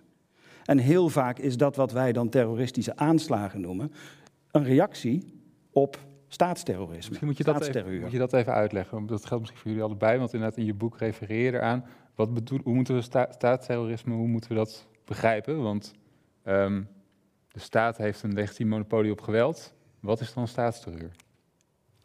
Ja, kijk, terrorisme is eigenlijk volgens de meeste definities, want ik zei het al, we zijn het niet met elkaar eens over één definitie. Maar eigenlijk volgens bijna alle definities, terrorisme is een vorm van geweld. Uh, dus het is een vorm van geweld met een, met een politieke doelstelling. Dat, dat is er dan, wordt er dan ook altijd uh, bij gezegd. En met als doel niet die daad zelf, ik zei het eerder ook al even, maar om eigenlijk daarmee een boodschap over te brengen aan een, aan een breder publiek of aan de politiek. Dus uh, het, wordt, ook wel een, een, gewelddadige vorm van communicatie uh, genoemd. Dat klinkt een beetje gek, maar ja, dat gaat dus hè, dat, dat het de, de, door de daad eigenlijk een, een, een boodschap wordt uh, verzonden. Ja, en als het dus een vorm van geweld is, dus het is niet een actor, maar het is een vorm van geweld, dan kan dus ook in theorie een, een staat zich daar gebruik, van bedienen. En als een staat geweld toepast om mensen ja, te terroriseren. Hè? Dus angst aan te, ja uh, aan te, jagen, zodat ze niet meer durven te zeggen wat ze van de overheid vinden, bijvoorbeeld. Uh, dan, uh, en daar internationale recht of humanitair recht mee, mee breekt, dan is daar, kun je zeggen, daar sprake van staatsterrorisme. Maar dat is wel een omstreden begrip. Uh, veel er zijn ook definities die dat expliciet uitsluiten. Die zeggen van ja, het moet wel door een niet-statelijke actor uh, zijn gedaan. Uh, staten willen zelf liever niet dat die definitie ook op hen van toepassing is. Ja, dus die, dat is ja, logisch. Dat ja. is ook weer iets waar een belang achter zo'n analyse zit. Hè, zoals we het net ook al zagen. Dat, ja. ja, maar dat, dat terug even naar, naar waar jij mee begon, Tjede. Als je zegt de staat heeft het monopolie op legitiem geweld, dan is staatsterrorisme misschien wel die vorm van geweld tegen bijvoorbeeld de eigen bevolking of delen van de eigen bevolking, die weliswaar strikt genomen legitiem genoemd kan Mhm. worden, omdat de staat dat monopolie heeft, maar die totaal disproportioneel is. En dan kun je wijzen naar extreme voorbeelden, zoals de, de bombardementen van Bashar al-Assad op de eigen bevolking, Ja. om de Soenitische meerderheid in dat land angst aan te jagen. Mhm. Ehm, je kunt ook wijzen op, op, wijd, op, op grootschalige huiszoekingen onder bepaalde groeperingen. En dus als je in, in, vandaag de dag in Moskou woont en je hebt toevallig een donkere huid, je komt herkenbaar uit de buurt van Tsjetsjenië, dan word je aan de lopende band aan, aan huiszoekingen en word je op straat aangehouden, moet je je identiteitspapieren laten zien. Dat kun je vrij gemakkelijk, zeker wanneer mensen zich daartegen gaan verzetten of gaan verstoppen, ondergronds gaan, et cetera, dan kom je in een terreursituatie terecht. Ja. En dat is ook bedoeld door een regering om de eigen bevolking angst aan te jagen, Ja. te intimideren. ja, dus dan zit het echt ook in de essentie van het woord terror, terreur. Zeg maar. ja. Oké. Ik denk dat je die dimensie, dus de, die, in die zin staat het woord angst terecht centraal. Het is een koppeling van angst en geweld, denk ik. Daar zit, daar zit de. eh, en dan, als je het zo zegt, hè, koppeling angst-geweld, dan heb je ook niet op, voor, niet op voorhand staatsterreur uitgesloten. Nee. Dat heb je nog niet gezegd dat dat niet kan, want de staat kan geweld uitoefenen en de staat kan angst inboezemen. Sterker, de staat moet misschien tot op zekere hoogte altijd angst inboezemen. In ieder geval respect voor de wet en dat soort dingen. Ja, want hoe hou je er zit een angstdimensie aan vast. Ja. Dat maakt het ook zo dat er altijd zoveel gedoe is over die lijsten waar, van terroristische organisaties. Hè? Want het, eigenlijk bestaat er niet zoiets als een terroristische organisatie. Er terrorisme is een vorm van geweld. Je hebt organisaties, staten ook, die die vorm van geweld soms gebruiken. Maar die organisaties hebben ook altijd allemaal andere gezichten. Die hebben ook een politieke tak. Die zitten soms ergens in een regering. Die hebben soms een hele legitieme, die soms eh, sociaal werk, wat dan ook. Maar die, als op het moment dat ze op zo'n lijst komen, dan mag niemand meer met ze eh, contact hebben, wat dan ook, eh, praten, onderhandelen. En daar is altijd enorm veel om te doen. Daar wordt altijd enorm gelobbyd. Turkije lobbyt dat de Koerden op de terreurlijst moeten komen, maar anderen weer. En dat is allemaal heel politiek. En dat is eigenlijk eh, ja, niet zo zinvol, want geen enkele organisatie is alleen maar terroristisch. Er is altijd veel meer nog aan de hand. Dus misschien, ik, ik vroeg me dat toch af toen ik aan het lezen was over die, over die golven die je beschrijft in je boek, hè, van de onafhankelijkheidsstrijd, eh, eh, links, extremistisch, dus we willen een klasse, klasseloze samenleving, de jihadisten nu extreem rechts. Is er, is er een kan je een situatie voorstellen waarin je zou zeggen, ja, maar in dit geval is terreur geoorloofd? Ja, Dat vind ik het- moeilijk. Ja. Als het, eh, Ja. heiligt het doel eh, de middelen? Ik vind, dat vind ik wel ver gaan. Ik, ik, soms denk ik dat er hele legitieme doelen zijn, zeker. En dat misschien mensen ook op dat moment zelf het gevoel hebben dat ze geen andere. Dat er geen andere wegen voor hen open zijn om die doelen te bereiken. Dat alle vreedzame wegen zijn afgesloten. Kan ook door staatsonderdrukking zijn. Hè? Mhm. Maar ik, ik vind het toch te ver gaan om te zeggen, ja, be- bewust zeg maar, onschuldige burgerslachtoffers maken, dat dat, dat, dat geoorloofd eh, kan zijn, dat, dat gaat me toch eh, te ver. En ik, ik, de- ik denk ook dat er toch vaak misschien toch wel andere mogelijkheden, vreedzame mogelijkheden zijn. Of het dan via de media is, activisme, zij misschien op dat moment eh, niet zien. Het is ook uit onderzoek bijvoorbeeld blijkt de vergelijking tussen vreedzaam verzet en eh, gewelddadig verzet. Dat vreedzaam verzet veel vaker eh, succesvol is, dus tot resultaten leidt, twee keer zo vaak als eh, gewelddadig verzet. Dus ja, ik zou ze toch willen oproepen om daar meer op in te zetten. Maar goed, het is, eh, ja, Ja, dat, is, dat, is natuurlijk geen, dat is dan geen principieel argument. Hè? Dat is eigenlijk van het is niet handig Het is niet om aan terreur te doen. ja, het is ja. niet doelmatig. Ja. Dat is een andere vraag dan of er omstandigheden zijn waarin terreur gerechtvaardigd zou kunnen zijn. Precies. Ik denk van niet. Dus ik denk dat er niks is wat terreur echt rechtvaardigt. Maar ik denk wel dat het altijd belangrijker is om te kijken wat drijft mensen tot terreurdaden. Dan om die vraag te stellen, die eigenlijk ja, een hele klassieke vraag van welke, welke middelen worden door dit doel geheiligd. Mhm. En misschien moet je daar wel bij zeggen, het probleem met die vergelijking van hè, ehm, worden, de, worden de middelen door het doel geheiligd, Het probleem zit in dat heilige. Het probleem zit misschien wel in de heiligheid van die doelen, Mhm. die als het ware getransponeerd wordt op die middelen. En daar zou je dan vragen bij kunnen stellen. En dan denk ik dat als je concreet gaat kijken, dus als je concreet gaat kijken in, terecht wijs jij daarop, in de lokale omstandigheden waar meestal be- eh, bewegingen met een terroristische tak eh, ontstaan, geboren worden, kunnen groeien, et cetera. Dat je dan misschien eigenlijk altijd moet zeggen, de doelen die zij zichzelf expliciet stellen. Bijvoorbeeld vernietiging van de staat Israël, ik noem maar zo'n doel, Ja. is dat wel het enige doel dat zij eigenlijk hebben? En moet je niet op zoek gaan in gesprek naar de andere doelen die daarnaast of daarachter liggen? Ja. Ja. Ik, zat ik, ik wou nog één eh, ding aan toevoegen en dan eh, kunnen we misschien door. Maar ik, oké, dus we zitten nu in die vijfde golf, extreem rechts. Stel dat Extinction Rebellion op een gegeven moment denkt, er wordt niet naar ons geluisterd, het klimaat gaat naar de knoppen, Ehm, we krijgen ecoterrorisme. Dat, dan is het doel is, is eh, de aarde behouden, zeg maar. Mhm. Maar daarvan zouden jullie dan allebei zeggen, dan nog is terreur niet een, een legitiem middel om in te zetten. Ja, ik denk dat er natuurlijk er heel veel andere middelen zijn eh, die eh, tot een beschikking eh, zijn, die geen ja, geweld eh, aandoen aan mensen die er helemaal niks mee te maken hebben. Dus Mhm. dat zou ik niet. eh, nee. Het gebeurt trouwens al, hè, natuurlijk. Eh, er worden ook aanslagen gepleegd Ja, nee, door, daarom. door klimaatactivisten en door dierenrechtenactivisten. We zien ook zelfs een kleine opleving weer van extreem links terrorisme. Dat is dan weer een beetje in reactie op extreem rechts. Dus er is van alles. eh, Gebeurt. maar nee, ik, ik zou eigenlijk net als Evert zou ik dat, dat, dat nooit kunnen rechtvaardigen. Nee. Nee, maar ik denk wel dat je er iets aan. Ik, ik zou er wel iets aan toe willen, willen voegen. Namelijk dat je dan wel ook meteen de vraag moet stellen. ehm, wat brengt mensen in de positie waarin ze denken dat dat het enige resterende middel is? Precies. Dat is, vind ik, wel een heel relevante vraag. Mhm. Want in principe heb je altijd meerdere politieke middelen om je doelen te bereiken. Ja. Ehm, dus er, er is daar iets aan de hand. Dus inderdaad, wat maakt het dan zo nijpend dat mensen bereid zijn om die stap te zetten? Ja. Ja. Dat is natuurlijk tegen de achtergrond van de veronderstelling dat mensen dat uit zichzelf niet zo geneigd zijn te doen. Hè? Dus dat je zeg maar niemand is vanuit zichzelf, afgezien van misschien psychopaten, maar de gemiddelde terrorist is geen psychopaat, denk ik. Er zit misschien wel een steekje aan los, dat is een andere vraag, maar het zijn geen totaal eh, idiote mensen of zo. Dus er, mensen hebben een natuurlijke remming om tot dat soort daden over te gaan. Dus er is iets nodig om jou over die drempel heen te helpen. Ik denk zelf dat dat ook heel vaak de rol van religie is.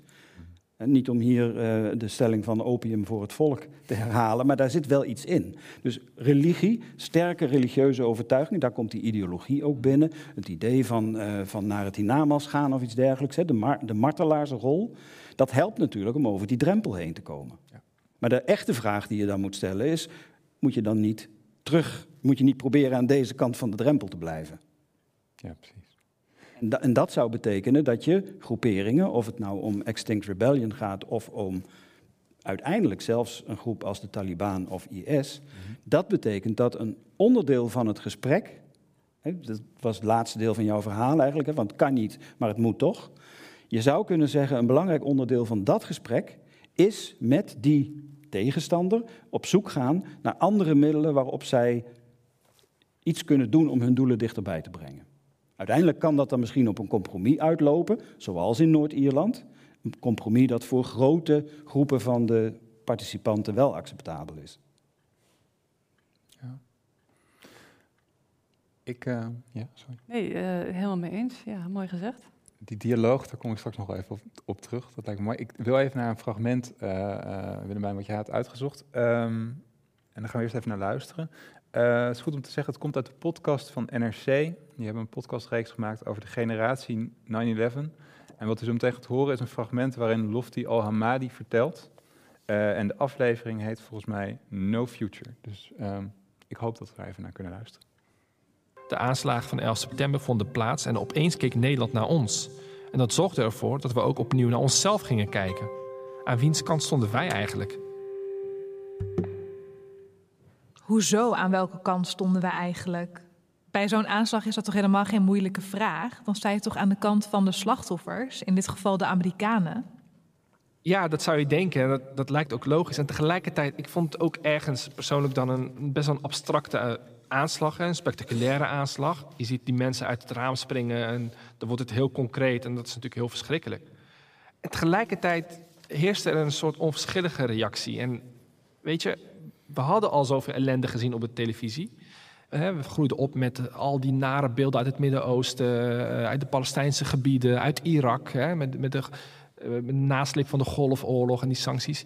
En misschien waren we ook wel een beetje murf geslagen. En ja, weet je, ik was een tiener. Um, het riep bij mij ook een soort recalcitrante houding op. En nou ja, ik weet nog dat we de volgende dag op school, woensdag 12 september, dat er in de ochtend werd omgeroepen dat we een minuut stilte moesten houden. En ik weet nog dat ik en uh, mijn klasgenoten, schoolgenoten, uh, met een Marokkaanse, Turkse achtergrond, dat ze naar elkaar keken en zeiden van ja, hoezo een minuut stilte? Sinds wanneer houden we een minuut stilte voor slachtoffers? Want uh, in het Midden-Oosten vallen elke dag wel slachtoffers. Wat, wat hebben we met Amerika te maken? Dus wij voelden, voelden totaal niet die band die, die zo vanzelfsprekend aanwezig was in Nederland. Dat was hem. Willemijn, je had deze uitgezocht. Ik was gewoon wel benieuwd waarom je dit fragment uh, wilde highlighten. Ja, ik, ik vond dat heel uh, mooi illustreren, zeg maar, hoe na 9-11 die sfeer zo omsloeg en uh, in wat voor positie dat met name moslims in Nederland en andere westerse landen plaatsen. Dat, dat was het, je bent voor ons of je bent tegen ons van Bush. En er was eigenlijk geen, bijna geen tussenpositie uh, mogelijk. En ik voel alsof je moet kiezen.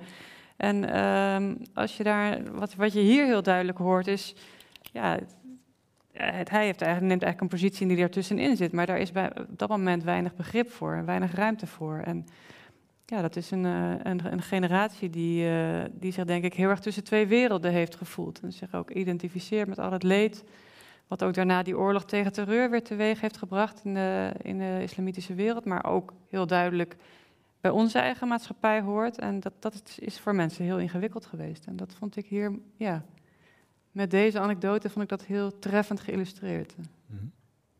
Mm -hmm. Ik denk dat dat, ik, daar ben ik het helemaal mee eens. Maar ik denk dat dit ook een voorbeeld is van de asymmetrie die we straks al noemden. Hè? Dus dat terrorisme vaak te maken heeft met asymmetrische posities op het slagveld, om zo maar te zeggen, of op het strijd, uh, strijdtoneel. Maar hier geldt ook dat als, als het is van, zoals je net zei, alsof je moet kiezen. Maar er zijn een heleboel mensen die niks te kiezen hadden, want er, de keuze werd hen al in de mond gelegd, bij wijze van spreken. En als ze, als ze zeiden, nee, maar ik ben daar tegen, dan was heel snel de verdenking dat ze eigenlijk hypocriet waren of aan het huigelen of weet ik veel wat. Dus wij, om zo te zeggen, hadden tot op zekere hoogte nog, hoewel dat denk ik ook moeilijk was hoor. Ik denk dat het moeilijk was voor iemand als ik bijvoorbeeld om te zeggen, nee, goed idee die Twin Towers. Dat werd dringend tijd. Dat, dat, dat, is ook eigenlijk, die keuze heb je eigenlijk ook niet. Dus in die zin was die verdeling in twee kampen werd gewoon ook voor een deel voor je gemaakt. Mhm. Niet dat ik dat had willen zeggen of denken, maar snap je? Um, en die asymmetrie is volgens mij wel de kern, de kern van de zaak hier. Ook, en asymmetrie heeft hier ook te maken met het met twee maten meten. Dus het bekende verhaal dat slachtoffers van aanslagen in Afghanistan of Irak, die net zulke onschuldige burgers zijn als de werknemers in de Twin Towers, hun levens kennen, tellen kennelijk veel minder. En niet een beetje minder, maar een factor duizend minder. Dat is onvergelijkbaar hoe erg wij één slachtoffer kunnen vinden in vergelijking met duizenden slachtoffers die elders op de wereld vallen. En daar zitten, ja, daar zitten waarschijnlijk ook elementen van racisme in, er zitten misschien elementen in van neerkijken op de rest van de wereld. En ik denk wel dat dat voor een deel bijvoorbeeld ook verklaart dat er een soort van schadenfreude, wat de Duitsers noemen. Dus ik denk dat er heel veel mensen waren in de, op de wereld, en echt niet alleen in de islamitische wereld, die dachten het is goed dat de Verenigde Staten een keer op eigen terrein flink geraakt worden. Misschien was het Pentagon daar nog wel belangrijker dan de Twin Towers. Het, en waardoor de Amerikanen niet meer in staat waren om de rol van totaal onkwetsbare moraalridder en politieagent op een vanzelfsprekende manier te spelen. Ze proberen het nog steeds een beetje, maar ze zijn een heel eind teruggedrongen wat dat betreft. Hè. Niet alleen Trump, maar ook Obama, Obama al, had duidelijk een andere agenda. En er zijn denk ik heel veel mensen op de wereld die dat, die, die daar zoiets hadden van, uh, ja, net goed. net, dan krijgen zij het ook eens een keer wat de rest van de wereld permanent te verdragen heeft. En heel vaak gefinancierd door bijvoorbeeld de Amerikanen. Ja, nee, ik ben het er helemaal mee eens. En uh, ik denk ook dat, dat dat is inderdaad ook een reden waarom ik dit fragment uh, wilde kiezen. Omdat je dus dat contrast tussen al die doden die altijd daar vallen, waar je nooit iemand over hoort. En dan als het een keer bij ons gebeurt, dan is de wereld uh, letterlijk te klein. Dat je dat, dat heel sterk ziet. En wat jij vertelt van ja, dat veel mensen in de wereld toch hebben gedacht van nou wordt Amerika een keer gepakt. Dat heb ik zelf op 9-11 meegemaakt. Ik was toen in Thailand. Ik liep daar stage bij de VN. Mm en ik zat in een, uh, de ochtend erna zat ik in een tuk-tuk op weg naar mijn werk. En die chauffeur die was heel blij. America boom, America boom, zei hij met een grote lach. En ik, was, ik vond dat toen, kon ik dat helemaal niet begrijpen. Mhm. En ik ben pas later over na gaan denken. En toen verschenen er ook in de, de week daarna verschenen er in de etalages uh, t-shirts met Osama Bin Laden erop. En ja, dan begin je laatst dat er mensen in de wereld zijn die er heel anders tegenaan kijken. Ja. En uh, niet helemaal zonder reden. Ja. Ik, uh, we hadden het net ook al, komen terug in de WordCloud en jullie zeiden het allebei al. En die angst, dus na die aanslagen en de aanslagen die daarop volgden en de oorlog die daarop volgde. Um, ja, ik proefde in je boek en ook in je lezing wel van, ja, laten we nou eens realistisch zijn over die, over die beperkte risico's. Inderdaad, hè, de kans dat je verzuipt in je eigen badkuip, door de bliksem getroffen wordt, die is groter dan dat ik hier uh, bij een terreuraanslag om het leven kom. Maar ja, dat is natuurlijk hè, de, de, de, met een soort rationele blik naar de wereld kijkend, is dat, is dat heel mooi. Um, maar als ik het vliegtuig instap, dan denk ik altijd van, oeh, zal het wel goed gaan? Terwijl als ik op de fiets stap, is de kans natuurlijk dat ik word aangereden ook veel groter. Dus dat is heel mooi, rationeel gezien, maar dat is niet hoe mijn emotionele brein werkt. En ik denk per extensie ook die van de gemiddelde burger misschien niet. Dus hoe kan je nou, of hoe moet de politiek, hoe kan je nou op een goede manier handen, handen en voeten geven aan die, aan die angst? Om die toch te beteugelen. Ja, dat is ook heel moeilijk. En ik denk dat jij dat heel goed beschrijft ook, wat het nou zo moeilijk maakt. Want je kan wel blijven zeggen van, het risico is eigenlijk klein, maar uh, angst is natuurlijk uh, niet zo'n rationele iets. Uh, dus dat, dat, dat is denk ik zo. Ik denk tegelijk ook dat we in twintig jaar tijd heel erg geconditioneerd zijn om die angst voor terrorisme te voelen. Ik zei al, we krijgen het op alle manieren op ons af. Het zit in de populaire cultuur, in films, uh, het is door uitspraken van politici. Het wordt altijd weer genoemd, al die zichtbare maatregelen. Dus je wordt er continu mee geconfronteerd. En ik denk dat dat de angst ook weer vergroot. Dus het is ook niet zo dat dat, dat een soort onafhankelijk iets is wat per se in ons uh, zit. Het wordt ook door, door, daardoor getriggerd. Dus ik denk dat deels door een andere houding uh, dat je ook kan helpen om de angst te verkleinen. En met name als er iets gebeurt, hè, als er een aanslag is, ja, dan is dus aan de politiek echt om, een, om, om, om, ja, om kalmte te vragen en, en, en om uh, rustig te reageren en om ook de dreiging in perspectief te plaatsen. En dat is echt het tegenovergestelde van wat nu gebeurt. Um, dus het blijft lastig, inderdaad, maar ik denk dat er wel uh, iets aan te doen is. Onderschrijf je dat even? Um, ja, nou ja, ik, ik, kom nu een beetje in een dilemma, want ik ben het hier eigenlijk hardgrondig mee eens met wat Willemijn zegt. Um, en ik, ik, heb me van, ik heb van tevoren heb ik me dat ook gerealiseerd, dat ik het waarschijnlijk op de meeste punten gewoon met je eens ben. Um, dus toen ben ik gaan denken, kan ik dan voor the sake of the argument misschien proberen om een, een, een, een tegenargument of een ander perspectief te articuleren. En toen kwam ik op het volgende, dat je kunt afvragen of er niet iets legitiems zit, en ik vraag het dan nu bij deze hardop af, om te zeggen, dat zal allemaal wel. Afghanistan, Irak, uitbuiting, strijd om water, om bronnen, om wat dan ook allemaal, om vrouwenrechten. Maar de primaire taak van de Nederlandse overheid is het beschermen van de eigen bevolking. Dus dan maakt het mij helemaal niet uit wat de motieven zijn van mensen die terreurdaden plegen. Ik wil gewoon dat ik veilig over straat kan. En ik eis van mijn regering dat die daarvoor zorgt. En als die regering dan komt met een verhaal van ja, maar we moeten wat doen aan de oorzaken, want dit zijn mensen die problemen hebben die ze op andere manieren niet kunnen articuleren in een politieke arena, dus dat moet enzovoort, enzovoort. Ehm, dan kan ik mij voorstellen, laat ik het zo formuleren, dan kan ik mij voorstellen die, dat er mensen zijn die op een gegeven moment denken van ja, maar daar heb ik niks mee te maken. Ik wil gewoon dat de overheid mij beschermt, punt. Mhm.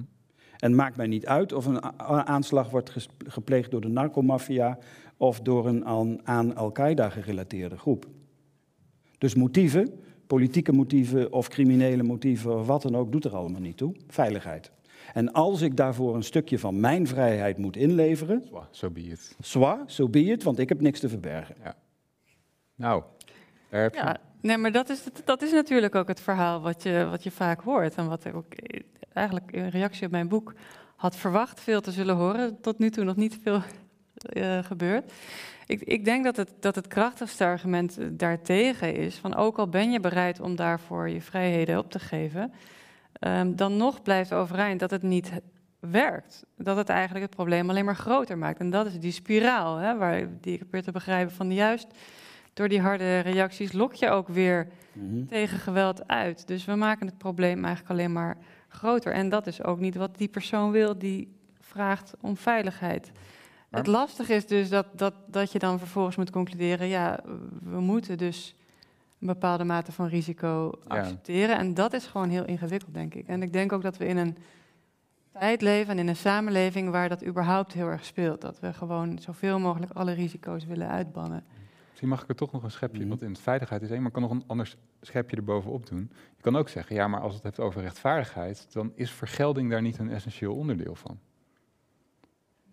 Dus moet, geef je anders de, de terrorist niet een soort free pass? Even los van het veiligheidsargument. Als we het hebben over rechtvaardigheid, dan moet er ergens een soort straf zijn. En dan, oké, dan moet het misschien ergens, misschien moet je niet mensen, eh, moet je niet aan land binnenvallen, maar je moet ergens toch wel recht doen. Is, daar, nog, is daar nog plaats voor in jouw oplossing? Nee, maar natuurlijk. Ik, ik, ik zeg ook niet van we moeten mensen die geweld plegen zomaar gewoon ongemoeid laten. Mhm. Die moeten vervolgd worden en die moeten gevangen gezet worden. En dat, dat, dat, dat staat buiten kijf. Eh, dat is inderdaad iets anders dan wat jij beschrijft van eh, we gaan gewoon mensen bombarderen waarvan ze misschien wel of niet, wat bijvoorbeeld met die drones is, we weten heel vaak helemaal niet precies wie dat zijn en Mhm. of, ze ook, of het ook terroristen zijn. Eh, maar we gooien er voor de zekerheid toch maar eh, een bom op. Dat, dat, dat is geen rechtvaardigheid, eh, denk ik. En dat is ook juridisch niet zo. Dat is ook volgens het internationaal recht klopt dat ook niet. Ja, dat- wat, wat er ook ehm, eh, een factor in is, is dat na 9-11 het, eh, de keuze is gemaakt om het als een oorlog op te vatten, hè, als een oorlogsdaad, hè, die, die aanslagen, en niet als een criminele daad die dus via strafrechtelijke weg moest worden beantwoord. Hè. Maar de oorlog, en dan gaan wij dus ook daartegen in oorlog terug. Dat is eigenlijk heel anders dan hoe eh, daarvoor altijd op terrorisme werd, eh, werd gereageerd, namelijk de strafrechtelijke eh, weg. Mhm. Maar als je dan zegt, we gaan het beoordelen als criminele handelingen, dan haal je die politieke agenda Ja. weg. Ja, dat is ook weer zo. Ja. En dan kun je die niet meer serieus nemen.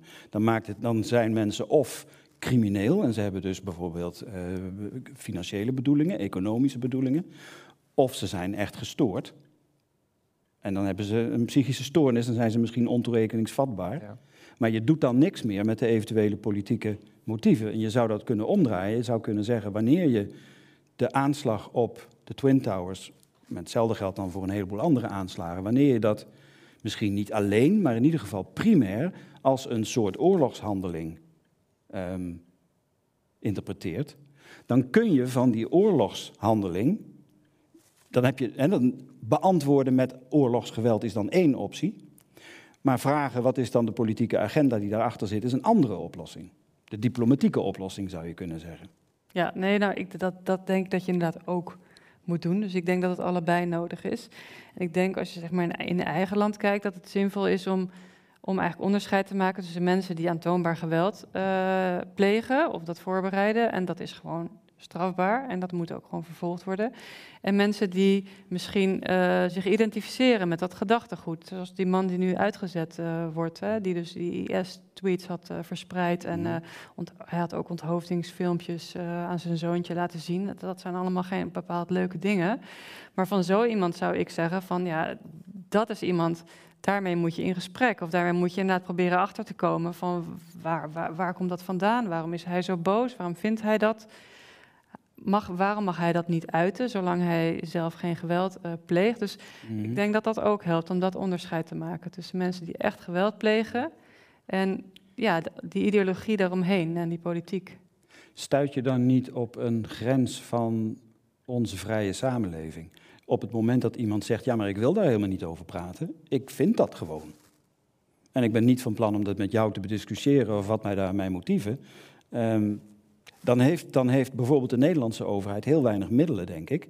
Anders dan via het strafrecht of via antiterreurwetgeving. Zeker zolang iemand nog geen echte concrete plannen heeft, is vaak, denk ik, antiterreurwetgeving de enige optie die je hebt om daar iets, eh, om, daar, om daar handvaten. Want je kunt niet tegen iemand zeggen, ja, je hebt rare ideeën, dus we gaan met jou praten. Daar moet die persoon ook zelf. Eh, Dus dan kun je misschien nog proberen, zoals de burgemeester van Mechelen, of in dezelfde lijn, via bijvoorbeeld religieuze organisaties, via de imam met mensen in gesprek te komen. Dan moet je om te beginnen al salafistische imams serieuzer nemen dan je nu doet. En daar het gesprek mee aangaan. En je hebt denk ik daar op een gegeven moment vrij weinig middelen wanneer je die vrije samenleving overeind wil houden. Ja, maar ik denk dat je misschien ook eh, mensen ook gewoon de mogelijkheid moet geven om dat soort dingen te roepen. Eh, Zolang ze dus zelf geen geweld in de zin hebben en eh, dat ook niet eh, direct onderst- ondersteunen of mogelijk maken of voorbereiden. Als je, zolang zij dat op, op, op vreedzame wijze mogen kunnen uiten, zullen ze denk ik ook minder snel geneigd zijn om, om eh, over te gaan tot, eh, tot geweld. En dat geldt niet alleen voor eh, radicale moslims, maar ook voor extreemrechtse geluiden. Die, die, Mhm. daarvan is eigenlijk is dat misschien meer geaccepteerd. Zou kunnen, omdat het ook in de politiek beter vertegenwoordigd is, hè, dat geluid.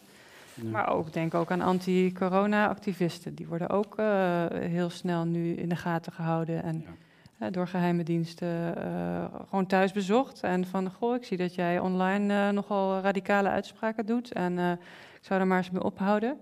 En dat zijn, dat zijn mensen die geen geweld, eh, ook niet oproepen tot geweld, maar die, ja, Het, eh, het, het spijt mij in die zin dat eh, het alweer half tien is. Dus we moeten richting... eh, Nou al. Ja, nou al, ja. We Ik, hebben, eigenlijk- we je- hebben geen vragen van het publiek dan. Jawel, die heb ik wel tussendoor al gefietst. Oké. Ehm, laatste vraag. Ehm, nou ja, ik ga hem gewoon stellen. En dan moeten we kijken of we hem kort en bondig kunnen houden. Komt een nieuwe ministerploeg aan straks natuurlijk. Dus eh Vert en Kasia die vertrekken. Stel je nou voor dat jullie bij BZ en justitie... eh, dan krijg je, krijg je de zeggenschap over hoe het antiterreurbeleid uitziet. Wat is nou één ding dat in de eerste plaats zou moeten veranderen?